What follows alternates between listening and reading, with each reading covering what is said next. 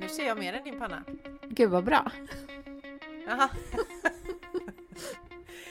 Du, Mm. eh, det är ju skitkul att träffa dig igen, för nu var det jädrigt länge sedan. Ja, men detsamma. Alltså, det är ju, hur länge sedan är det? Tre månader? Eller vad sa vi? Ja, Ja. det är nästan tre månader sedan. 30 juni spelade vi in förra avsnittet och idag är det då, när vi släpper det, den 22 september. Mm. Och det här är podden Mitt perfekta liv med fotograf Victoria Davidsson och författare Malin Lundskog. Och ni har väl inte glömt, det är nästan så vi har glömt det själva, men det här är ju podden för er som har ett perfekt liv, men inte har fattat det än. Ja. Och vi lovade då den 30 juni att nu ska vi minsann inte ha så långt sommarlov, för förra sommaren då hände det ju så mycket hemska saker för oss båda två som gjorde att vi var tvungna att pausa en stund. Mm. Och det lovade vi, att så ska vi inte göra igen. Nej, och det trodde man ju inte heller att det skulle hända. Några tråkiga grejer. I detta perfekta liv så händer ju de grejerna. Mm, det gör ju det. Men vi behöver kanske inte börja där. Eller vi ser vad som händer helt enkelt. Vi drar igång podden, avsnitt nummer 19. Yes! Vad har hänt sen sist? I de här, under de här tre månaderna, vad har du haft för dig? Det har hänt... ehm, jag har ju haft en lång ledig sommar. Ja. Eller jag har jobbat lite också, men det gör man väl alltid som företagare. Men jag har varit mycket ledig. Och då har jag gjort så här... Gud vad roligt, nu hör jag själv att jag hela tiden blandar ihop jobb, mitt jobb med semester. Det, det, det kan vi ha ett eget avsnitt om. Men för att jag var på Gotland till exempel. Och det var ju, Ja. jag älskar ju den där ön. Det var där jag pluggade till fotograf. Eh, och eh, då hade jag faktiskt några dagar som jag var ledig. Men sen gick jag också en jätterolig kurs i cyanotopi. Det är så här ett gammalt fotografiskt hantverk. Aha, cyan känner jag igen som en, en av de fyra färgerna, Mm. va? Alltså de här fyra grundfärger eller något. Ja. Precis, och den är ju blå och det här är, det blir bl- blåa bilder och man kan exponera dem i solljus. Men det låter skitcoolt. Har du lagt ut det någonstans så vi kan se det? Nej, nej. men Nej. jag kanske borde göra det. Det tycker jag. Det ska jag göra. Jag är görnyfiken. Mm. Ja, det tycker jag. Och om du nu lägger ut det, var hittar man det då någonstans? Då hittar man det på Instagram på fotograf Victoria Davidsson. Bra! Mm. In och följ Vickan så att ni inte missar nu den här uppdateringen av de cyan... Cyanid, är inte det något sånt här gift förresten? Jo, och Som man det, mördade folk med, Agatha Christie-romaner och så. precis. Jag tror jag inte att det ingår i den här kemin, men, men man vet ju aldrig. Nej. Ja, Men du, alltså det här med Gotland, det är ju coolt. Alltså det får jag säga, jag har för första sommaren på länge inte varit på Gotland. Jag brukar åka till Fårö. ja just det. Men nu sitter du här och smyger lite grann faktiskt med dina resor. För just nu, jag sitter ju här på min ö, Knippla på västkusten. Ja. Du sitter ju inte där du brukar. Nej, eh, jag åkte till Azorerna. Bara sådär. ja, så um, jag har varit här i en vecka, kommer stanna en vecka till. Jag är här med en kompis, eller kollega, eller hur säger man? när- En annan företagare. Och vi Ja. håller på att starta upp Kompiskollegor Ja, kanske? jag är här med min kompis kollega och vi håller på att starta upp ett projekt som vi ska jobba med. Så det är superkul. Så spännande. Mm, Är det ett bra ställe att jobba på, Azorerna? väldigt bra. Vi har hittat vår favoritplats vid en, högt upp på en klippa finns det en fyr som är randig i rött och vitt. Och så finns det ett litet, litet fyrhus som har röda knutar och gul. Alltså det är som i en serietidning. Det känns som att man kommer in i en saga och så sitter vi där, där finns det så här bord och bänkar. Så sitter vi där och gör så här äh, affärsidén och äh, sådana här... För grundarbetet är ju kanske inte det allra, allra roligaste. När man, det är ju mycket så Nej. pappersjobb. Så. Men eh, om man gör det på en sån där plats så blir det ju kul. Ja, herregud vad härligt. Och man gör det med någon som är rolig att jobba med också. Mm. Vi jobbar ju så mycket ensamma, både du och jag. Ja, Så det är ju skitkul att ha någon som man jobbar med. det är väldigt, väldigt roligt. Ja. Ha, coolt Vickan tycker jag. Azorerna. Mm. Gotland, Azorerna. Har det hänt något mer? Har det varit någon merstans? Ja, det, jag åkte Inlandsbanan. Just det! Jädra globetrotter är du alltså. Ja. Ja. Men eh, sen har det ju såklart, som alltid i det perfekta livet, hänt eh, tråkiga grejer också. ja. Bland Vill du annat berätta? Så var jag på, jag skulle på så här mammografi. Mm. Bara helt vanligt, som man är på, vad är det, vartannat år eller något sånt där. Beror nog på åldersmässigt. Det kanske beror på var man bor också. Ja, Men sen jag tror att det blir oftare när man är... Eller blir det mer sällan när man blir ännu äldre? Jag kommer inte ihåg. Jag går nog en gång om året nu när jag är över 50. Ah, jag. Sen kanske det glesar ut när man blir ännu äldre. Ja, jag vet inte. jag var i alla fall på det och och sen åkte jag hem och tänkte inte mer på det liksom. Men sen visade det sig att de hade hittat någonting och ville göra flera undersökningar. Så då blev det lite jobbigt. Nej, fy fasen. Vad hände eller hur gick det till liksom? Ringde de dig och sa det att nu... Nej, det var så dumt för att jag åkte ju dit och tänkte ja, ja, jag kände mig ju frisk och sådär. Eh, Ja. Och sen hade jag ju gjort första mammografin och sen några veckor senare fick jag hem ett brev och där trodde jag att det stod typ så här, oj, vi tog oskarpa bilder så vi måste ta om. Ja. Och så hade jag fått en ny tid. Så då åkte jag in och gjorde det och tänkte, jag var inte ett dugg nervös. Men eh, när jag kom in där så märkte jag ju att, nej men gud, det kan inte ha stått så i, det där, i den där kallelsen. För att de, de var jättenoggranna och tog massor av bilder och gjorde så här ultraljudsundersökningar. Och, Ja. för då visade det sig att de hade sett någon förändring. Och sen fick jag boka en tid och göra en, eh, jag tror att det heter biopsi. Mm. Så då, Den här nålen va, som de sticker in och ja precis. drar ut. Vad de nu drar ut då. Ja, vävnadsprover drar de Ja, ut. Eller det gjorde de. Man, jag är ingen expert på det här. Men man kan ju göra... Det finns tydligen två olika typer av biopsi. Och en är nog bara en tunn liten nål. Och det här var en lite grövre nål. Man fick bedövning innan och sådär. Så att det gjorde ju inget ont. Men, men det var ganska obehagligt, tyckte jag.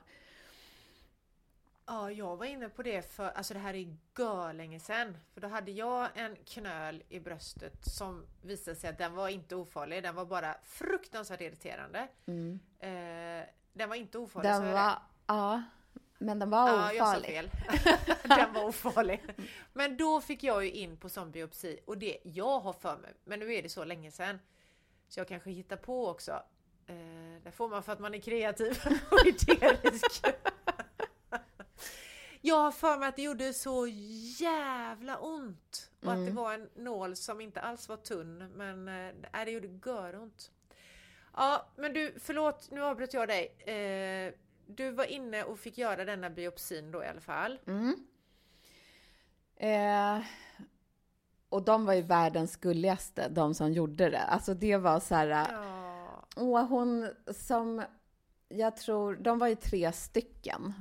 Jag vet inte Ja. vem som gjorde vad riktigt. Men eh, en, hon, hon var så här, Hon kändes som min mormor. Hon var inte så gammal, men hon påminde om henne och var så här rund och varm och god och liksom fattade att, det, att jag tyckte att det där var skitjobbigt.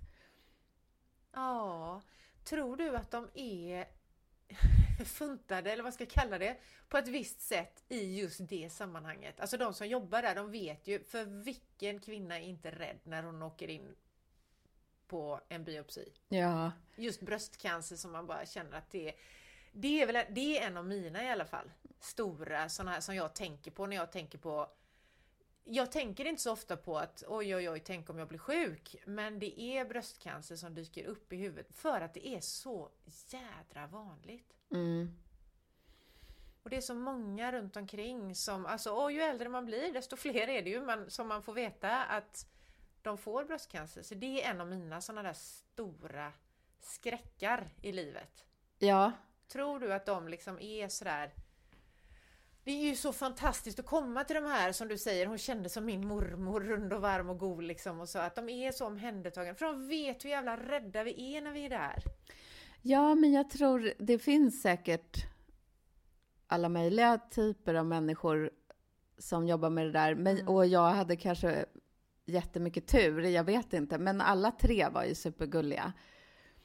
Oh. Och de, de, eh, för att man var tvungen att ligga så här blickstilla och, eh, och det var obehagligt. Och jag blundade för jag ville inte se liksom exakt vad som hände. Och då var det en av dem som klappade på eh, mitt ben eller något. Och då sa jag så här bara, åh det är så skönt när du klappar eller tack för att du klappar på mig. Och då började alla tre att klappa på mig. Så det tyckte jag också var så fint. Åh, vad Att, fint! Ja! Ja, så jag är glad att jag fick, att det var de som gjorde det på mig. Mm. Men sen åkte Och jag vad ju... hände sen? Vad sa du? Ja, förlåt. Nej, jag frågade just, vad hände sen? Ja, sen åkte jag ju hem och då var jag helt vimmelkantig bara för att det där hade ju varit en sån upplevelse, konstig grej liksom. Men Ja. då börjar ju den här väntan på att få svaret. Ah. Och den var ju så här... Det går liksom inte att beskriva för att det var inte att jag gick omkring och bara Åh, jag mår så dåligt eller Åh, jag är så orolig. Men det var mer som att den här oron satt i hela kroppen. Ja. Fast eh, den var mer att jag ville bara vara i skogen. Jag ville typ, om min mamma hade levt, då hade jag bara velat vara i hennes famn och så skulle hon vagga mig. Ehm, och allt sattes ju också på vänt. Det är ju därför jag nu åker Inlandsbanan, är på Azorerna, snart åker jag på ett jobb i Frankrike. Bara för Ja. att allt fick ju liksom så här lite grann skjutas upp och hända Mm. samtidigt. För livet Ja. sattes på något sätt på vänt. Men, Ja, för det, just för att, och också jag tänker det här när du går och väntar, när man inte vet den här ovissheten. Att, som du sa nu, livet sätts på vänt. Det är i sådana situationer jädrigt konstigt att andra människor fortsätter leva utanför. Alltså det fortsätter, livet pågår, det händer grejer i världen och runt omkring en som bara, hallå, ja, är det inte paus? Och jag tänker också med jobbet. För jag samarbetar ju med folk hit och dit och bara för att mitt liv sätts på vänt så kanske inte alla andras liv gör det. Plus att jag hade stora grejer inplanerat liksom. Och då måste man ju på något sätt eh, skapa någon slags balans där. För man skulle ju vilja bara säga nej nu eh, kan inte jag jobba för jag ska bara gå runt och vänta i skogen. Men Ja. vissa saker måste man ju ändå göra för livet fortsätter ju. Ja, och tack gode gud för att det gör det. Mm. egentligen. Även om man skulle vilja sätta det på paus så är det ju jädrigt skönt att du fortsätter att rulla på runt omkring en. Mm. Eller? Det kanske, nej, man tycker inte det i den stunden kanske, men jag känner det nu när du sa just det, livet fortsätter och det är ju en jävla tur att det gör det. Ja, och jag tror också det är olika för olika människor. För en del hade säkert helst av allt velat eh, gräva ner sig i jobb Ja, för att slippa ja men tänka. ja! Det har du rätt i. Mm. Det finns ju såklart att det är ett sätt att döva eller liksom slippa tänka på det. Ja.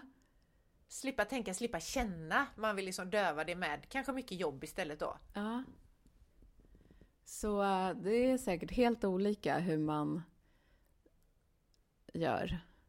Eller vad som är bäst Ja. för en. Men för mig var det att eh, för jag kände också lite så här, jag hade ju haft lite mycket, min mamma dog ju för ungefär ett år sedan och min pappa är sjuk och Så jag kände också, jag har... Jag måste på något sätt ta in det här och inte bara springa iväg. För att, Nej.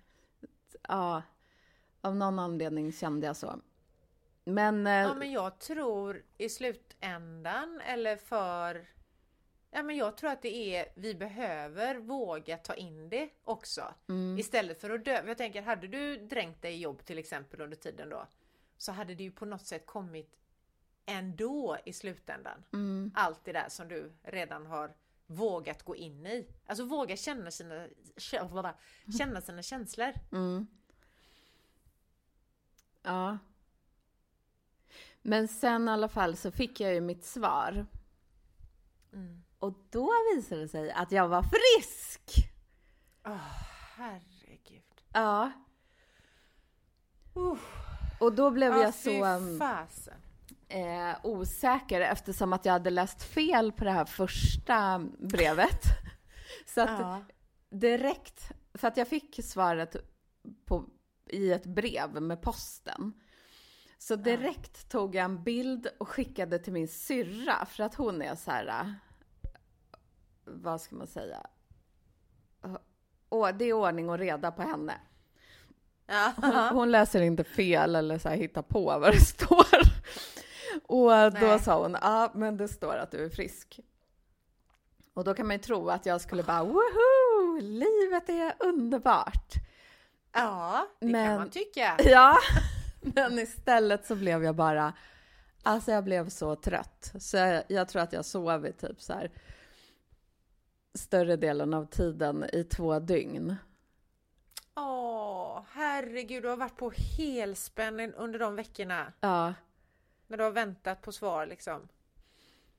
Ja, så, så det... Det var en pers. Men jag är ju Ah, fy väldigt glad att, jag, att det inte var någonting. Ja. Det är jag med kan jag säga. Mm. Även om du nu har simmat ut ur bild. Jag ser. Alltså jag har ju, vi har ju precis bytt boende här på Azorerna. Så att vi, jag vet typ knappt vart jag är någonstans. Och så ska jag försöka ha, ha den här telefonen så du kan se mig.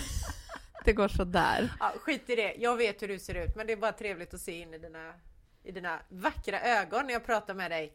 Mm. Så, ja. Ja, men vilken jädra pers och fy fasen vad skönt att svaret blev som det blev. Ja. För tänk vad livet kan förändras i, alltså, ja det vet vi ju. Jag tänker på din mamma förra sommaren, alltså allting bara, det går väldigt fort. Mm. Så att eh, det är lika bra att leva livet medan man lever det om man säger så. Mm. Ja, men det blir också... mm, För att jag ska ju göra ett jobb i Frankrike snart. Och Ja. för första gången någonsin, ända fram tills nu, har jag ju bara gjort jobb och stora jobb och aldrig ens tänkt tanken att man kanske... Tänk om man blir sjuk.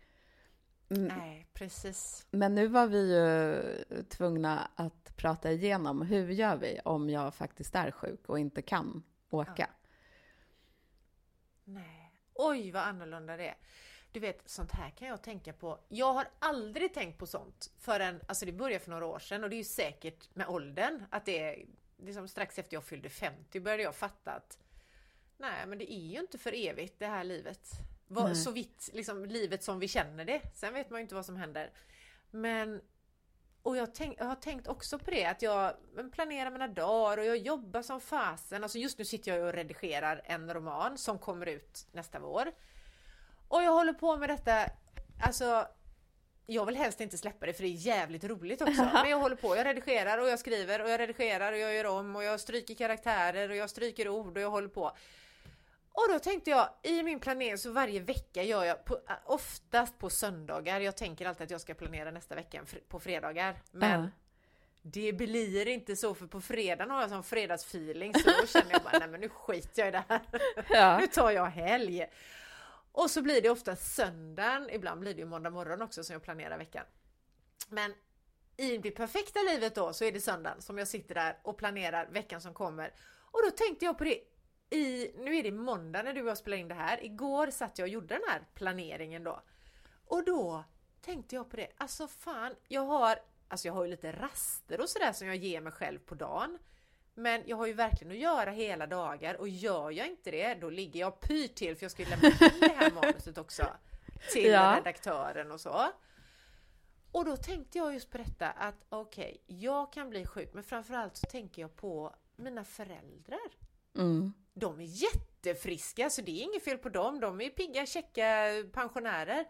Men alltså allting skulle ju verkligen sättas på ända om det händer någonting mm. med dem. Mm. För då skulle jag ju inte sitta där och skriva. Det är klart att då skulle jag ju vara med dem, eller det beror ju på vad som händer. Men mm. Eh, så att det är, det är ganska skört det här vi håller på med. Man jobbar själv och det, det, det, här finns ju ingen annan som kan ersätta oss i de jobben vi gör. Nej. Även om ingen är oersättlig så för våran skull finns det ju ingen som kan hoppa in och säga nej men du jag redigerar din bok så blir den ändå klar eller jag framkallar dina foton och redigerar dem så blir det klart. så kan du ändå sälja dem sen. Nej. Eh, men att, eh, mm. är det när man har kommit upp i en viss ålder, för jag tänker innan var ju mina föräldrar odödliga, tänkte jag. Alltså jag, mm. jag mm. tänkte inte ens på att de kommer ju såklart dö före mig. Mm. Men sen dog ju mamma och då tror jag att jag började fatta att shit, nu, mm. händer, nu händer ju sånt. Alltså ja. att man är i den åldern, både jag och dem. Precis, och jag, jag har själv inte fattat det. Alltså att, och jag har inte, och jag, jag kan känna för mig själv också att jag fattar att Ja, men det, fin det, är, det kommer ett slut på det här. Det känns jättejobbigt. Jag, jag blir nästan ledsen nu när jag pratar om det, men det är så här. Det varar inte för evigt, så det blir, det blir mycket, mycket viktigare att ta vara på mm. det som är och ja. det man har som är bra och fint och liksom uppmärksamma det. Men också det här, jag, det är nästan så jag kände det, att varför gör jag det här tajta schemat för mig själv som, som inte lämnar så många luckor för livet som händer runt omkring.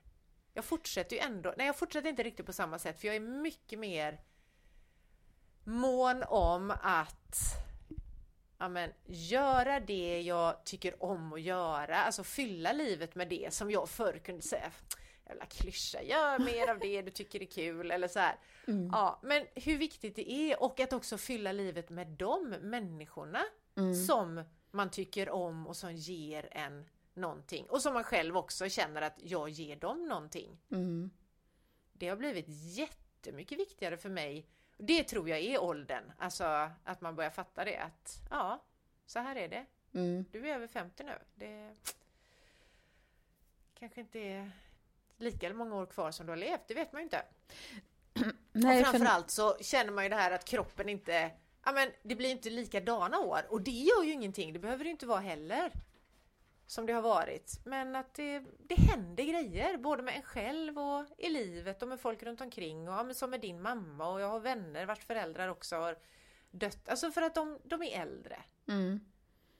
Eller äldre äldre, som Tegnell sa på den tiden när det var pandemi. Just det. Det fanns några som var äldre och så fanns det några som var äldre äldre. Ja. De, var, de var väldigt mycket äldre. Ja. Men man blir, eller man, jag blir i alla fall, eller har blivit mycket mer medveten om det där att det, det finns ett slut också. Mm. Någonstans där framme. Som jag aldrig har tänkt på förut. Nej. Då var både jag och mina föräldrar odödliga. Det är vi inte nu. Nej. Nej, och när man var typ så här 25 kunde man ju tänka, ja, ja, men det där kan jag göra om 10 år. Exakt. Äh. Och samtidigt är det väl ändå lite, alltså det är väl också naturligt. Jag tänker, det är inte så att jag tänker pracka på mina barn det här nu, de är ju 25 och 27 mina pojkar, att mm. livet är kort och ba, ba, ba, för att det är ju ingen idé. Alltså jag tror att, jag tror att varje ålder måste ha sina ja men att man, är man 25 så kan man väl få lov att njuta av det. Och Mm. inte att det kommer en gammal morsa där och säger att tänk på att det livet är kort. Utan de får leva livet på sitt sätt liksom. Ja. Eh, och lära sig av sina egna läxor. Och sina egna, ja men komma själva till insikt. Jag, jag tror vissa grejer går inte att fatta förrän man är där. Det går inte att fatta hur det känns att ta emot ett besked att ja, vi ser förändringar i ditt bröst förrän man själv är där. Det går inte att fatta hur det känns att mista en förälder förrän man själv är där. Det går inte att fatta hur det känns att vara 54 förrän man är där. Mm. Alltså vissa grejer kan vi inte förstå hur jävla intelligenta vi än är tror jag. Mm. Nej, det Eller? tror jag också.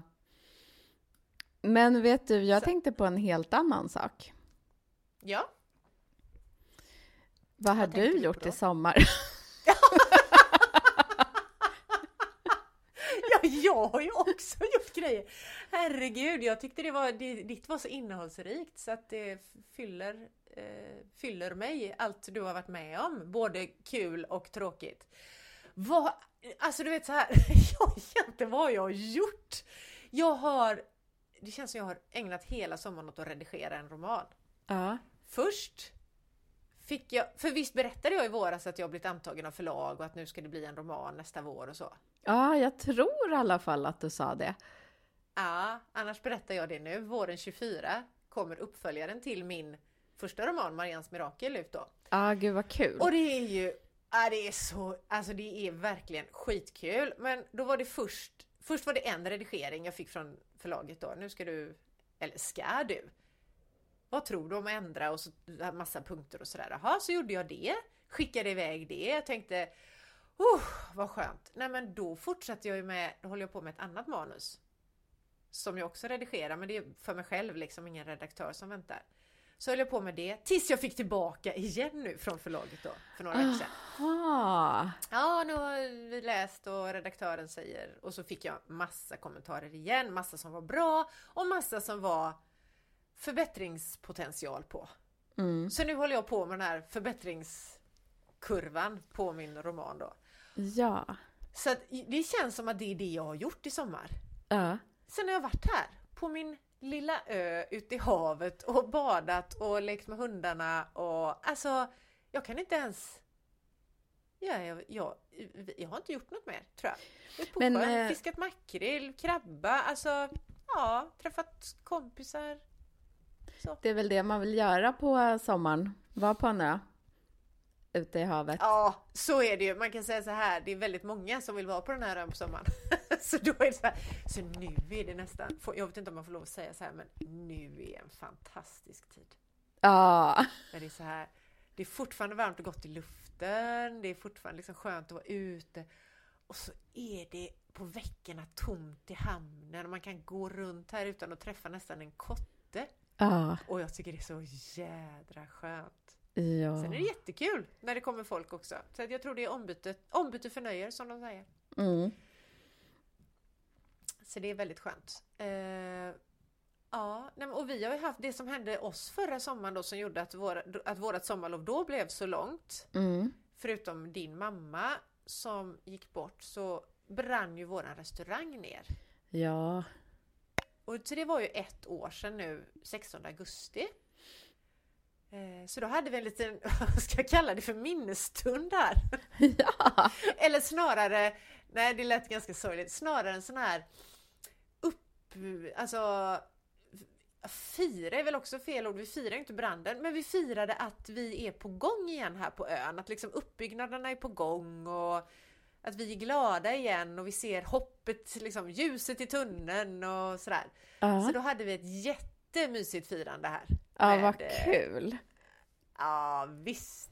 På tre dagar så drog jag ihop ett band och alltså jag spelar inte band utan men musikanter här på ön Mm. och skrev en låt och ja men det var det så och alla, alla var där. Även Kilroy. Nej det vet jag inte. Men var där. Och det, var, det var så Det var skitmysigt. Så att det kändes som ett fint sätt att uppmärksamma att eh, det går framåt. Livet fortsätter som vi sa någon gång Ja. i det här avsnittet. Mm. Så det var härligt. Mm. Eh, ja, det är väl det, tror jag. Jag har inte mycket att berätta, känns det som. Det är väl jätte... Men det är väl, eh, det där var väl... eh, Det måste, eller så här. Det måste inte alltid hända jättemycket saker i ens liv. Jag kan ju tycka att det kanske har hänt lite för mycket i mitt liv sista tiden. Ja, Hade varit skönt om det hade varit lite lugnare. jag förstår det.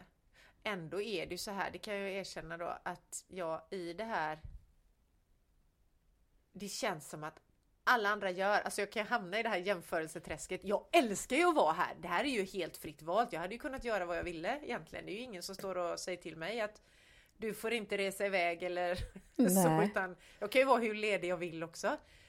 Eh, men jag har, jag har ju valt att vara här. Eller jag och Mm. min man har valt det för att det gillar vi. Men det finns ju ändå där ibland att man alla andra gör så himla mycket roliga saker och de verkar ha det så härligt och ja du vet så man bara hamnar i det, gud jag borde göra mer. Men sen släpper jag det ganska snabbt. Men eh, det är ju i, i mitt perfekta liv så är det en mindre perfekt del. Eller så är det bara en naturlig del som jag får acceptera att sån är jag.